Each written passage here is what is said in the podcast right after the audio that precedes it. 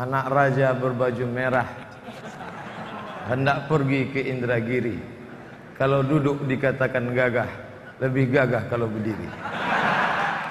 Assalamualaikum warahmatullahi wabarakatuh.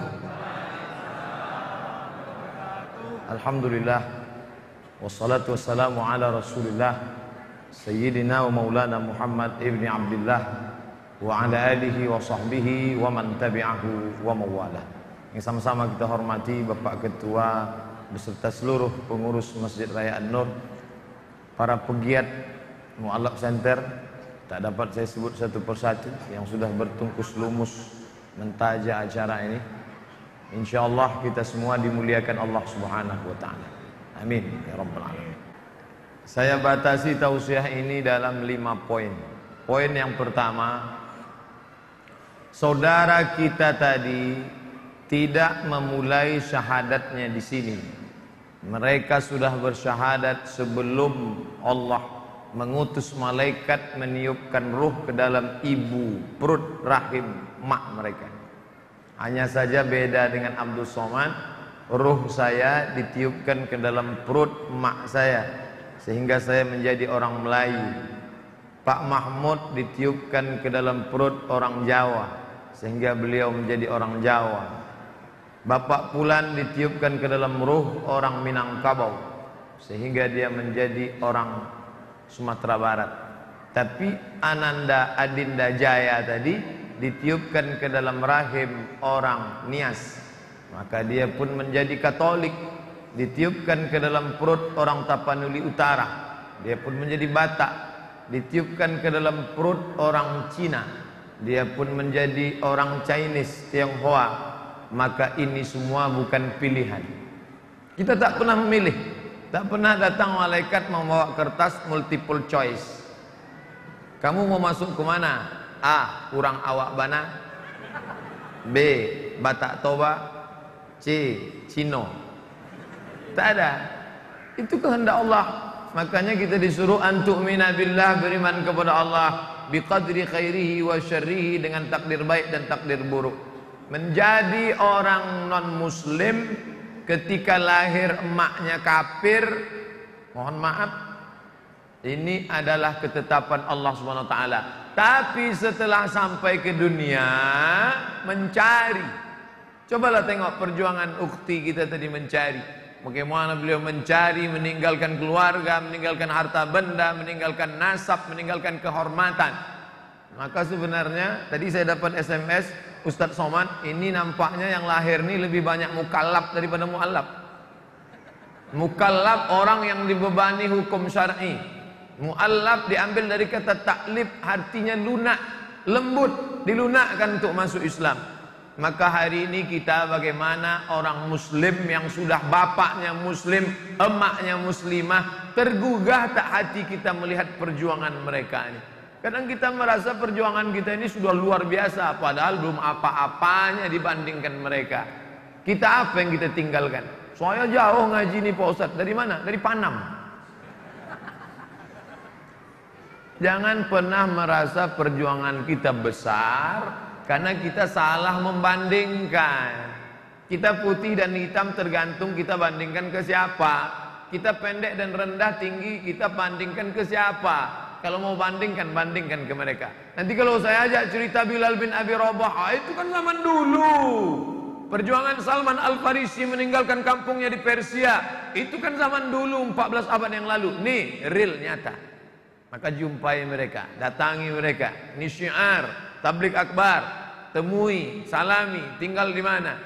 Ini menunjukkan bahwa mereka sudah bersyahadat di alam arwah. A'udzubillahi minasyaitonirrajim. Wa idz akhadha rabbuka min bani Adam. Ingatlah ketika Allah mengambil persaksian dari anak cucu keturunan Adam, semuanya.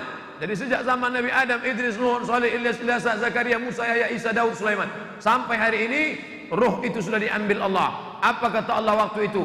Alastu bi rabbikum? Bukankah aku ini Rabb kamu? Bukankah aku ini Allah kamu? Waktu itu semuanya menjawab, Bala syahidna. Kami bersaksi engkau adalah Rabb kami. Tapi kemudian sampai ke dunia dia lupa. Antakulu yaumal qiyamah pada hari akhir kamu katakan inna kunna an hadza ghafilin kami tak ingat mereka memerlukan proses perjuangan panjang untuk mengingat itu Ustadz Felix Xiao masuk ke dalam rahim perut orang Chinese Tionghoa ditakdirkan beragama non muslim lalu kemudian kuliah ke IPB mencari mencari mencari mencari mencari. 9 jam berdebat akhirnya luluh masuk Islam. Masya Allah menjadi ustadz terkenal tapi hatinya rendah tawadu saya waktu di ceramah berapa sepekan yang lalu di Ciganjur Ustadz kami antar ke Bogor ya. Tak usah saya bilang. Sebentar lagi ada yang jemput siapa yang mau jemput Ustadz? Kita tengok aja nanti. Begitu dia buka mobil Ustadz Felix yang jemput saya. Naik rating saya langsung. Rendah hati Masya Allah Hamba Allah. Masuk ke dalam rahim orang Sulawesi Utara. Ditakdirkan sebagai agama non-muslim. Bahkan menjadi pendeta Rektor Sekolah tinggi teologi. Mencari, mencari, mencari, mencari Masuk Islam Bersyahadat Tinggalkan jabatan rektor Tinggalkan rumah dinas Tinggalkan mobil pribadi Tinggalkan nama besar Tinggalkan profesor. Mencari dan sekarang menikmati hidup sebagai dai muslim. Ustaz Yahya Waloni. Masuk ke dalam perut orang Tapanuli Utara, terlahir dengan nama yang bisa dibaca dari kiri, bisa dibaca dari kanan, Nababan. Mencari, mencari, mencari, akhirnya bersyahadat jadi ustaz terkenal, Ustaz Nababan. Ini perjuangan mereka luar biasa. Begitu juga dengan ibu uh, Irene Handono yang diundang beberapa kali di Riau. Ini mereka perjuangannya luar biasa. Jadi perjuangan kita untuk ngaji ini, saya nih Pak Ustaz, tiap subuh Sabtu datang, subuh Ahad datang, perjuangan saya pontang panting melawan berapa sinetron saya tinggalkan Pak Ustaz. Belum ada apa-apa dengan mereka. Nah, ini poin yang pertama, mereka mencari syahadat mereka yang lama tertinggal dan mereka menemukannya kembali dan kita di hadapan Allah. Kalau mereka tegak, saya duduk, berarti saya jauh lebih mulia daripada mereka. Padahal di hadapan Allah mereka jauh lebih mulia. Abdul Somad, kau tak ada perjuangan sama sekali. Emakmu muslimah, ayahmu muslim, sekolah agama, ke Mesir, ke Maroko, pulang ke Pekanbaru. Apa perjuanganmu menjadi seorang muslim? Tapi mereka di hadapan manusia mungkin biasa saja, tapi di hadapan Allah. Abdul Somad, umur kau sudah 40 tahun, kau akil balik umur 10, 30 tahun catatanmu dosa, dosa, dosa, dosa, dosa. Tapi saudaraku Jaya yang maju tadi, catatannya dimulai dari nol, tak berdosa sama sekali. Di dunia ini yang tak berdosa nol dua. Pertama mu'alaf, yang kedua pegawai Pertamina. Ulangi dari nol. Ini tak dosa sama sekali, bersih bersih bersihnya. Tadi subuh saya tausiah di masjid Al-Mukarram Ustadz Maghfirah imam kita. Kata Ustadz Maghfirah, Ustadz Somad, ini ada saudara kita yang baru mengulang syahadatnya. Syahadat yang dulu diulang lagi sekarang. Dan ini tak tanggung-tanggung. Titelnya STH, Sarjana Teologi S1 dan S2 pula Master Teologi dari Kalimantan Barat. Tadi dijanjikan akan ketemu di sini. Pak Abdullah, ada hadir? Tadi dijanjikan akan datang. Nanti ditunggu saya janji supaya jumpai Pak uh, Pak Faisal untuk menguruskan sertifikat muslim. Karena di Masjid Ustadz Maghfirah sudah. Nanti saya minta daftarkan lengkap semua. Tadi sudah dijanjikan ada jamaah yang akan membawa. Nah, ini penting sekali. Mengapa begitu? Karena kita perlu ada uh, catatan, ada administrasi. Yang pertama, bahwa mereka tidak bersyahadat, tapi mereka mengulang syahadatnya pahami dengan baik dengan perjuangan yang luar biasa. Dua, mengapa mereka masuk Islam? Ada asbab, ada sebab.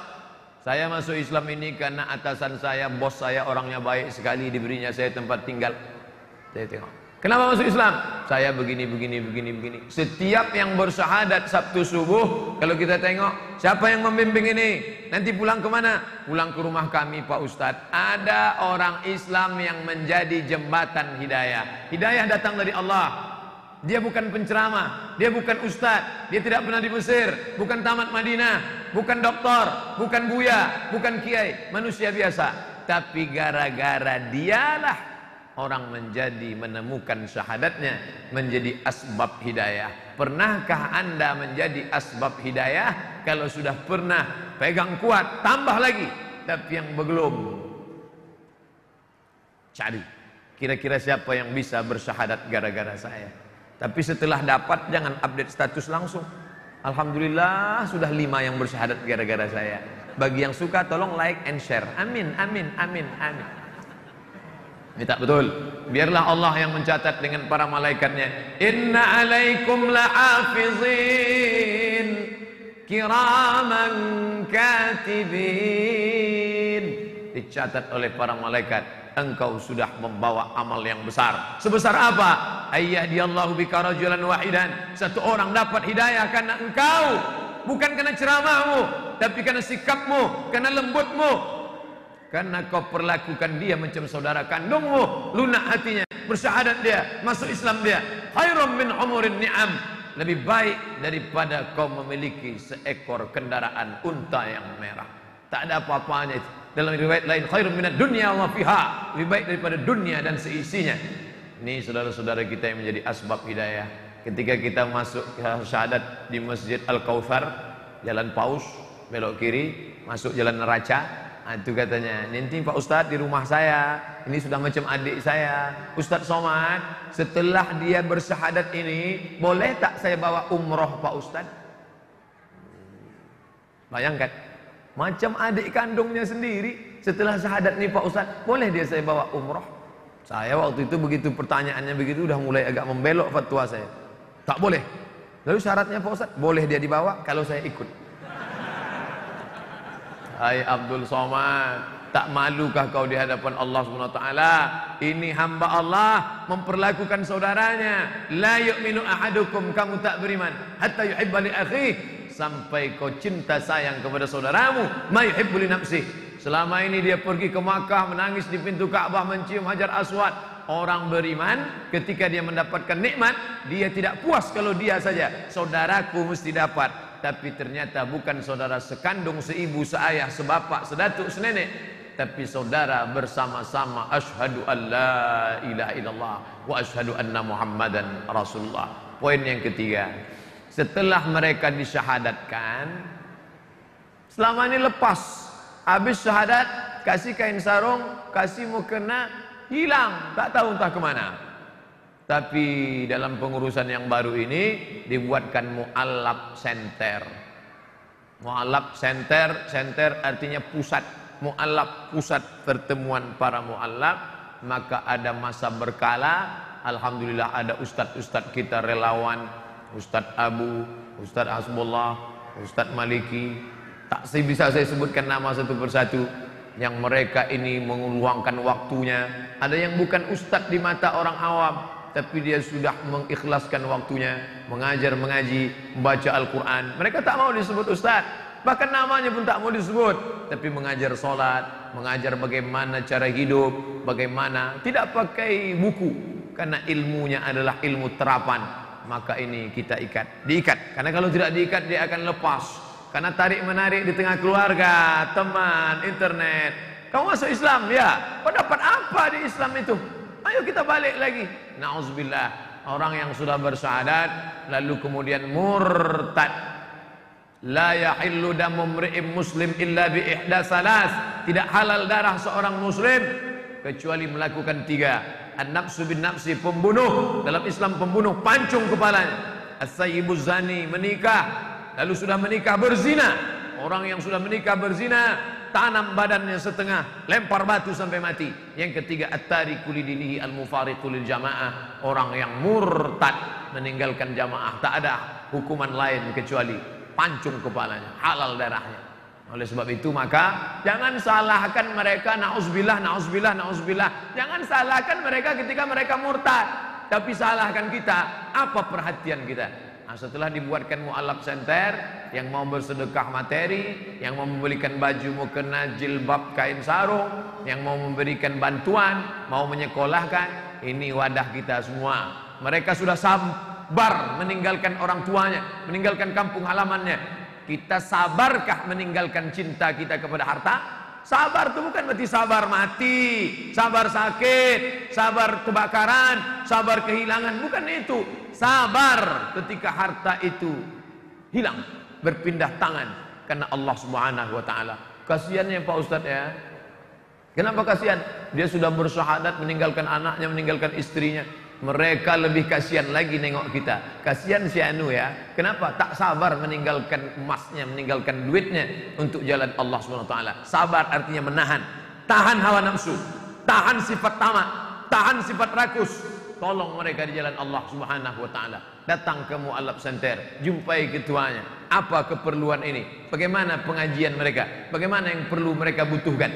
Inilah bukti kaji sudah masuk ke dalam hati, bukan sekedar hanya igawan di telinga bukan hanya sekedar di mulut dan di mata tapi juga membangkitkan semangat yang luar biasa.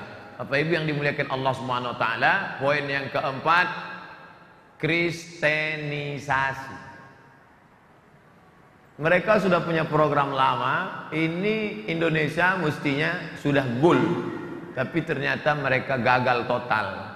Presiden masih Islam gubernur masih Islam beberapa daerah berhasil dan kalau sudah berhasil luar biasa. Cornelis Kalimantan Barat lihat gebrakannya luar biasa.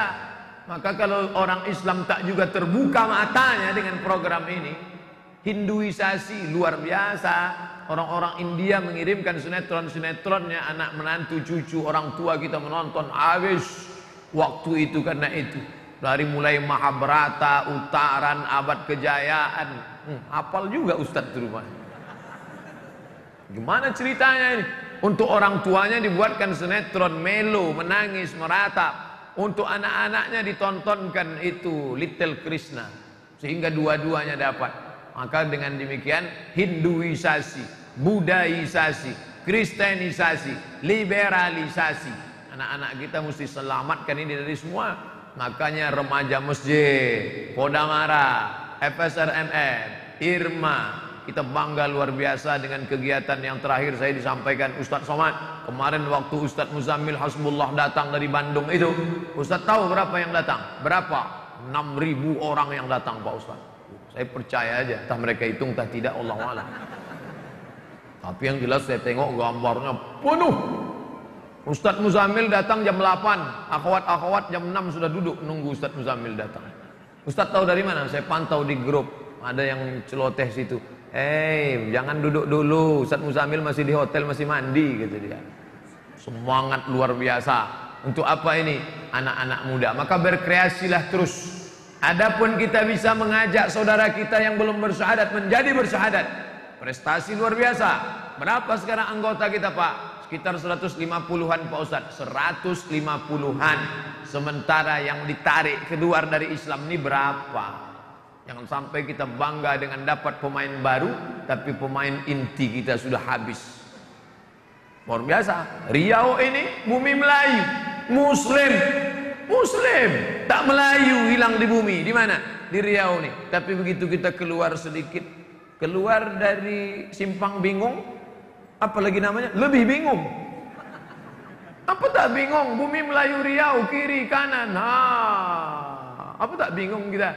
Orang yang datang kemari bingung dia. Ini bumi Melayu apa Tapanuli Utara ini kata dia. Ini kok bisa? Oleh sebab itu maka menjadi kebanggaan berapa banyak pegawai-pegawai perusahaan swasta kalau sudah pisah sambut pejabat mereka mau pergi Oh kami sedih Ustaz Di sini kami pengajian nyaman betul Subuh Jumat ada dokter uh, Subuh Ahad ada dokter Mustafa Umar Ada dokter Mawardi Muhammad Saleh Ada Ustaz Fulan Tapi kenapa nanti di tempat yang baru kami ini bagaimana Pekan baru oke okay. Tapi keliling pekan baru Tenayan Raya Rumbai Ini kita ibarat roti dalam piring Pinggir-pinggirnya itu sudah mulai dimakan Digrogoti Tak jauh dari sini, Rumbai. Sebagian Minas itu masih masuk Pekanbaru sebelum batas kota Siak. Keluar dari Pekanbaru Siak. Mereka minta izin 30 perayaan malam Natal jingebel jingebel. 30 artinya apa? Ada 30 rumah berdiri di tengah komunitas kaum muslimin. SKB 3 menteri kok bisa dapat?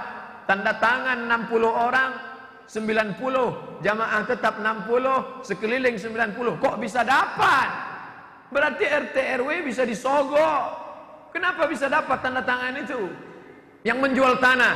Orang Islam jangan menjual tanah karena tanah adalah akidah.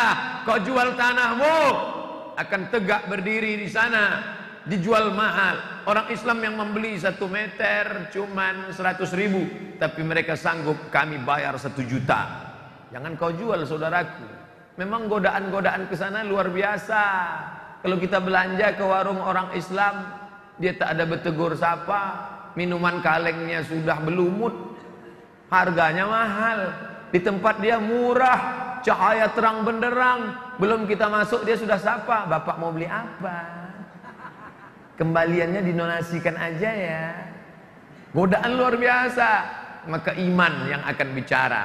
Belanjalah di tempat orang Islam. Karena kau sudah membantu ekonomi orang Islam. Jangan kau kayakan orang kafir. Ini ceramah Ustadz ini rasis ini. Saya tidak rasis. Saya sedang mengingatkan umat. Sedang mengingatkan saudara-saudaraku, ikhwah. Kalau kalian yang mendengarnya salah sendiri. Kenapa kalian dengarkan ceramah Ustadz di masjid? Saya sedang menasihati saudara saya, belanjalah di tempat orang Islam. Walaupun orang Islam ini orang tak betul juga. Duku itu dicampurnya busuk-busuk. Mangga dicampurnya semua mangga lapu. Di tempat dia bagus. Inilah mangga bagus, 50 ribu. Ini mangga kurang bagus, 40. Ini mangga tak bagus sama sekali, sampah. Orang kita tidak dicampurnya. Beli jugalah. Mungkin nanti sesudah dia agak kaya sedikit, jujur dia sedikit. Ini saudara kita. Bangkitkan perekonomian umat. Baru kita bisa bicara cerita selamat.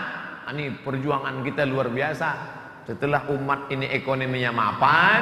Kada al-faqru ayyakuna kufran. Hampir saja kefakiran. Membuat orang menjadi kafir. Antara fakir dan kafir tipis. Setipis kulit bawang. Maka kita lah yang membantu ini. Kalau tidak tak tahu entah bagaimana. Momen Ramadan. Bagaimana ceramah Bapak Ibu yang menjadi anggota pengurus masjid Surau melanggar musola Maka satu malam khusus Kalau Bapak membuat judulnya Satu malam khusus perhatikan Islam dan ekonomi umat Islam dan mu'alaf Islam dan politik Bangkitkan Jangan isinya istighfar, taubat, sabar, ridho, kona'ah Itu penting tapi bangkitkan judul-judul yang membangkitkan semangat umat ini untuk kehidupan beragama. Karena doa kita yang pertama, Allahumma inna nas'aluka salamatan fid din. Kantor bas jadi saksi. Saya diundang rapat bas, kata Pak Auni Nur, Ustaz Somad tak usah ikut rapat dulu, Ustaz duduk aja sama ibu-ibu di sana. Mau konsultasi hukum. Ada apa, Bu? Nangis. Ada apa, Bu? Makin kuat nangisnya.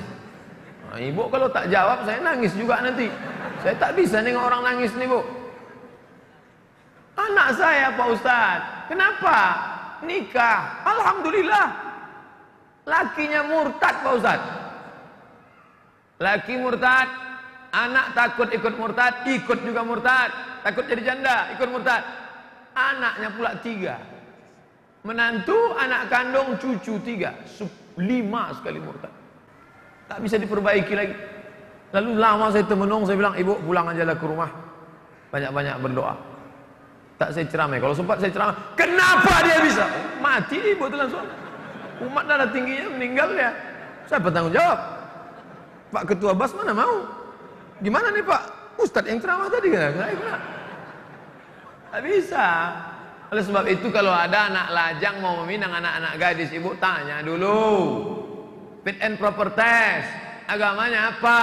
Suruh dia jadi imam ke depan. Dengarkan bagaimana dia azan. Kalau kata dia asyhadu an la ilaha illallah wa asyhadu anna muhammadar rasulullah. Baca surat pendek al-ikhlas kahkul wallah. Jangan terima saja. Saya ceramah di salah satu kabupaten jauh dari sini agak tujuh jam baru sampai. Anak gadis kami tak mau keluar rumah sekarang Pak Ustaz. Kenapa tak keluar rumah? Malu. Malu kenapa? Hari ini akad, besok pagi suaminya lari. Lari kenapa? Rupanya belum gunting pita. Belum bersunat. KTP palsu. Islam. Dapat NA, tanda tangan, nikah kan. Menjerit anak gadis tuh. Akhirnya sekarang malu Pak Ustaz. Kok bisa terjadi? Berarti kita kurang teliti. Yang ditengok hanya kendaraannya, yang ditengok hanya maharnya. Kenapa tak ditanya sholatnya? Kenapa tak dites bacaan Qurannya? Yang sampai kecolongan. Ini penting ke depan. Kebahagiaan kita hari ini menjemput saudara-saudara kita. Tapi di tempat lain kita sudah kehilangan saudara-saudara kita. Yang lebih bahaya lagi, dia ikut sholat sama kita, ikut di masjid dengan kita, tapi isi kepalanya tidak lagi Islam. Bajunya Islam, tapi isi kepalanya sudah dirobah, liberalisasi, sekulerisasi, ateis, komunis, masuk lewat Twitter, BBM, WhatsApp. Oleh sebab itu adik-adik yang pandai membuat video pendek terus kita akan bertarung di alam maya. Jadilah kalian tentara-tentara Allah, jundun min junudillah yang akan menyelamatkan agama Allah bukan dengan senjata, bukan dengan pistol, bukan dengan senapan, bukan menjadi sniper, tapi menjadi army cyber, tentara-tentara cyber. Sudah ada alasan nanti kalau emak bapaknya nanya, kenapa duit cepat betul habis? Beli 2 giga mah, aku adalah tentara cyber. Tapi betul-betul gunakan untuk itu. Jangan nasi update status saja. Nah, ini semua penting. Bangkitkan semangat. Bagaimanapun kita sekarang masih bangga sebagai bumi muslim terbesar. Tapi fenomena belakangan ini kriminalisasi ulama. Bagaimana orang baik dikatakan tak baik, orang tak baik dikatakan baik, pengkhianat dikatakan amanat, yang amanat dikatakan pengkhianat. Ini embrio-embrio sudah mulai ada. Hati-hati, kita mesti waspada. Dulu Masyumi dibubarkan. Dulu Muhammad Nasir dipenjarakan. Dulu Buya Hamka empat tahun dalam penjara.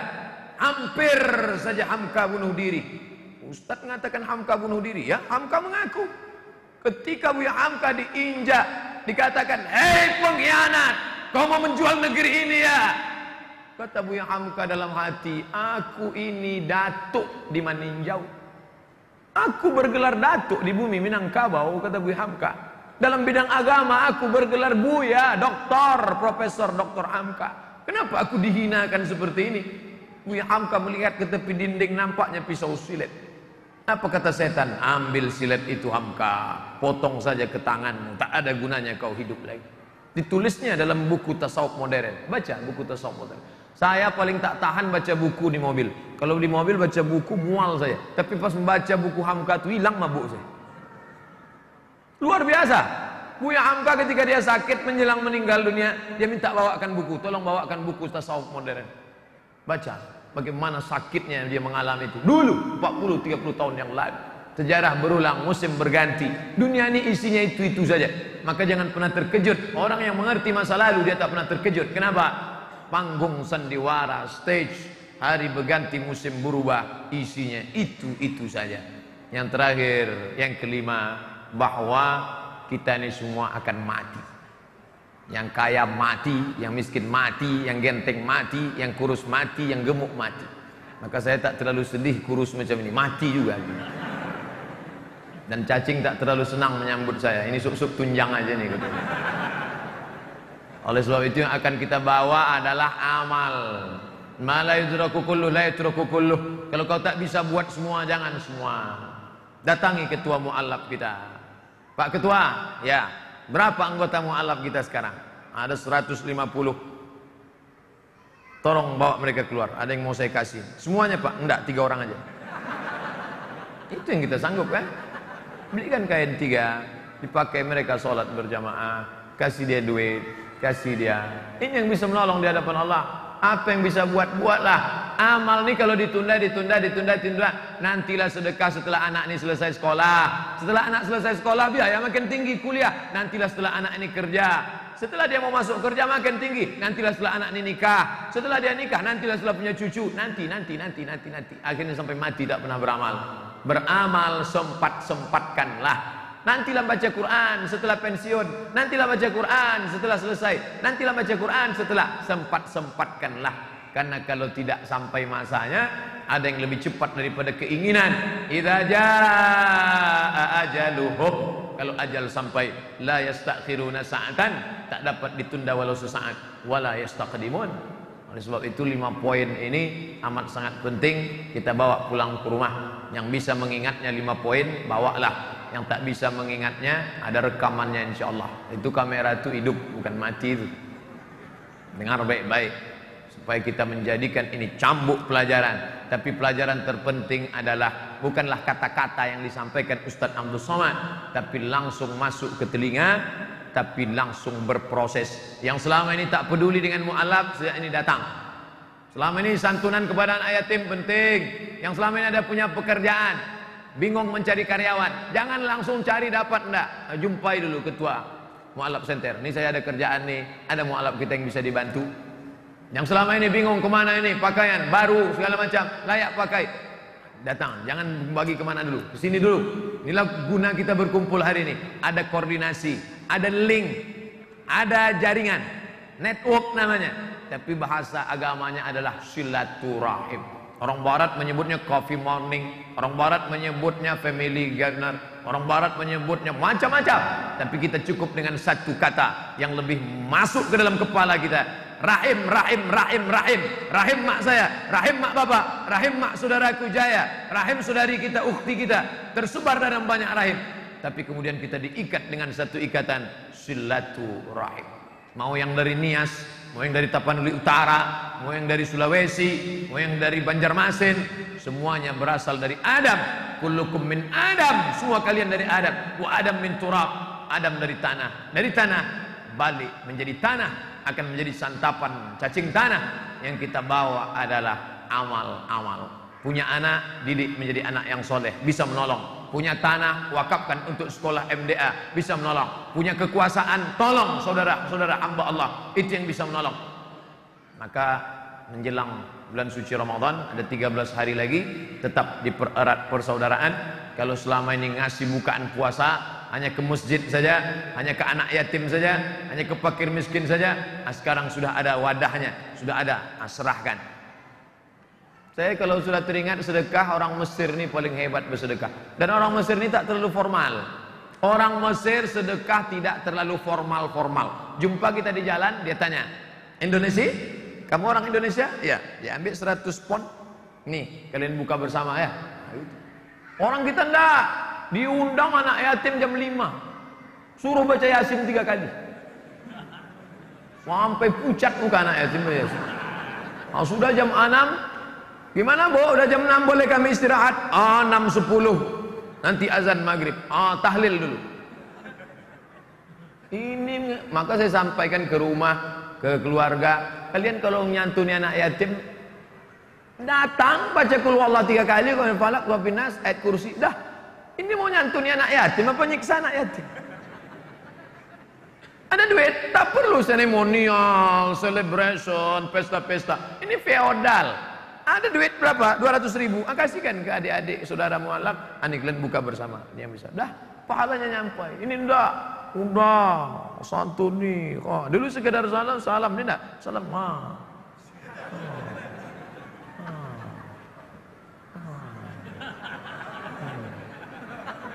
Mengingatkan orang oke, okay. tapi kalau sampai menceritakan amal jangan. Nah, ini masalah formal tak formal ini, nah ini show, oke, okay, show force, membangkitkan kekuatan, kesemangatan, kebersamaan. Tapi what's next? Setelah ini apa? Sukses tak suksesnya cara ini bukan saat ini, tapi setelah ini apa? Besok apa? Kalau saya dengar ada laporan dari ketua Mu'alaf Center, Alhamdulillah Pak Ustadz, makin banyak yang peduli, banyak yang menjenguk, banyak yang bertanya, banyak support, Alhamdulillah. Tapi kalau tak ada, mohon maaf, mubazir, Innal mubadzirina kanu ikhwanas syayatin. Orang mubazir saudara setan. Jangan heran kalau kita baca ayat kursi setan tak mau kabur karena kata setan ini saudaraku juga yang mengusir nih kata dia. Jangan sampai kita mubazir. Tadi saya sampaikan tausiah ini pukul uh, 12 uh, pukul 10.20 sekarang jam 11 kurang 5. Saya sampaikan lebih kurang 40 menit. Di mana-mana saya ceramah 60 menit sesuai dengan isi botol aqua 600 ml ini tak aqua kurang daripada itu itu yang dapat saya sampaikan terima kasih segala perhatian mohon maaf segala kesilapan ala hazihin niyah al-fatihah أعوذ بالله من الشيطان الرجيم بسم الله الرحمن الرحيم الحمد لله رب العالمين الرحمن الرحيم مالك يوم الدين إياك نعبد وإياك نستعين اهدنا الصراط المستقيم صراط الذين أنعمت عليهم غير المغضوب عليهم ولا الضالين. آمين. Ya muqallibal qulub Wahai engkau yang membolak-balikkan hati Sabit qulubana Kokohkan hati kami Ala dinik dalam agamamu Wa ala ta'atik dalam ketaatan kepadamu. Allahumma a'inna Tolong kami Ala zikrika supaya selalu berzikir mengingatmu Wa syukrika selalu bersyukur kepadamu Wa husna ibadatik Selalu beribadah dengan ibadah yang baik kepadamu. Allahumma aktim lana bi husnil khatimah Tutup umur kami dengan husnul khatimah. Wa la takhtim alaina bi su'il khatimah. Dengan kau tutup umur kami dengan su'ul khatimah. Allahumma wafiqna lima tuhibbuhu wa tardah Berikan taufikmu kepada kami Agar kami dapat beramal dengan amal yang kau ridai dan kau cintai ya Allah. Allahumma inna nas'aluka salamatan fid din. Berikan kami keselamatan dalam agama. Wa afiatan fil jasad. Sehatkan badan kami supaya kami bisa berpuasa, berzikir, solat-solat, sunat dan membaca Al-Quran. Wa ziyadatan fil ilmi, tambahkan ilmu kami ilmu baik-baik supaya kami dapat beramal dengan ilmu yang benar. Wa barakatan fil rizqi, berikan berkah dalam rezeki kami supaya kami berinfak, berzakat, bersedekah, membantu saudara-saudara kami ya Allah. Wa taubatan qabla al-maut, kami silap banyak salah dosa. Berikan kami tobat sebelum mati. Wa rahmatan indal maut. Berikan kami rahmat ketika menghadapi mati. Wa maghfiratan ba'dal maut. Berikan kami ampunan sesudah mati. Allahumma hawwin alaina fi sakaratil maut. Ringankan kami waktu sakaratul maut. Wan najata minan nar. Ringankan kami. Selamatkan kami jauhkan kami anak cucu kami daripada api neraka. Wal afwa indal hisab. Maafkan kami ketika segala amal kami nanti dihisab. Allahumma alif baina qulubina. Satukan hati kami. Baik yang muallaf maupun yang sudah sejak lahir muslim satukan hati kami. Kama allafta baina qulubi anbiya'ik. Sebagaimana kau satukan hati para nabi dan rasulmu ya Allah. La tada'lana fi maqamina hadha wa fi sa'atina hadhihi. Jangan kau biarkan kami di tempat ini pada saat yang agung dan mulia ini dzamban illa ghafarta segala dosa kami ampunkan ya Allah. Wala aiban illa satarta segala aib cacat kami tutupi ya Allah. Wala musafiran illa wasalta saudara kami yang musafir sampaikan ke tujuannya ya Allah. Wala maridan illa syafaitah. Yang sakit angkat penyakitnya sembuhkan ya Allah. Wala mayitan illa rahimtah. Yang meninggal dunia curahkan rahmat dan kasih sayangmu pada mereka ya Allah. Allahumma ja'al kuburahum radatan min riyadil jinan. Jadikan kubur mereka salah satu dari taman surgamu. Wala taj'al kuburahum hufratan min hufarin niran. Jangan jadikan kubur mereka salah satu dari lubang nerakamu ya Allah Allahumma ij'al akhir kalamina inda intihai ajalina. Jadikan akhir kalam kami ketika ajal kami sampai. Yang keluar dari mulut kami adalah la ilaha illallah. Rabbana atina fid dunya hasanah wa fil akhirati hasanah wa qina adzabannar. Wa sallallahu ala sayyidina Muhammad wa ala alihi wa sahbihi wa sallam. Walhamdulillahi rabbil alamin. Taqabbalallahu minkum. minna wa minkum taqabbal ya karim Terima kasih segala perhatian. Mohon maaf segala kesilapan. Wassalamualaikum warahmatullahi wabarakatuh.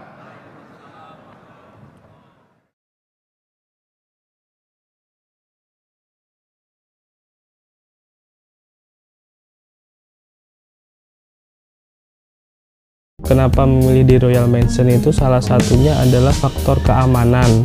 Di Royal Mansion ini e, menggunakan sistem one gate system. Bangunan risik yang baik akses untuk jalannya juga bagus. Segera googling royalmansion.co.id